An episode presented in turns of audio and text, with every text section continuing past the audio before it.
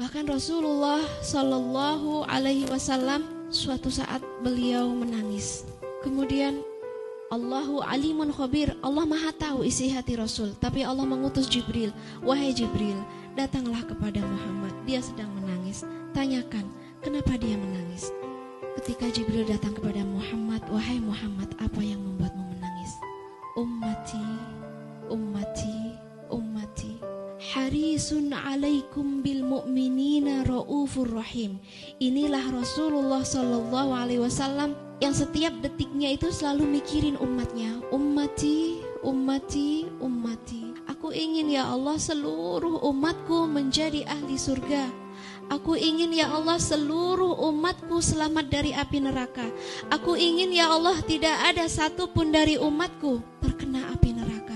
Aku ingin ya Allah tidak ada satupun umatku mencicipi api neraka. Kemudian Jibril datang kepada Allah. Allahu alimun khabir. Allah maha tahu. Tapi begitulah adegannya. Ya Allah, di pikiran Muhammad ummati ummati, dia selalu berdoa tentang kebaikan umatnya. Jika begitu, katakan kepada Muhammad, aku akan selalu membahagiakan umat Muhammad.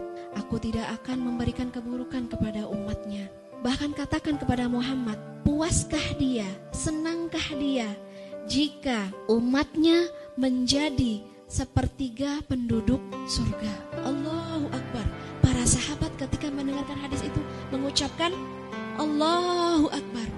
Ummati, ummati inilah doa Rasulullah Sallallahu Alaihi Wasallam untuk kita.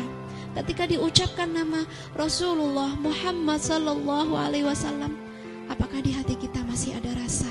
Apakah di hati kita masih ada cinta? Apakah di hati kita masih ada rindu?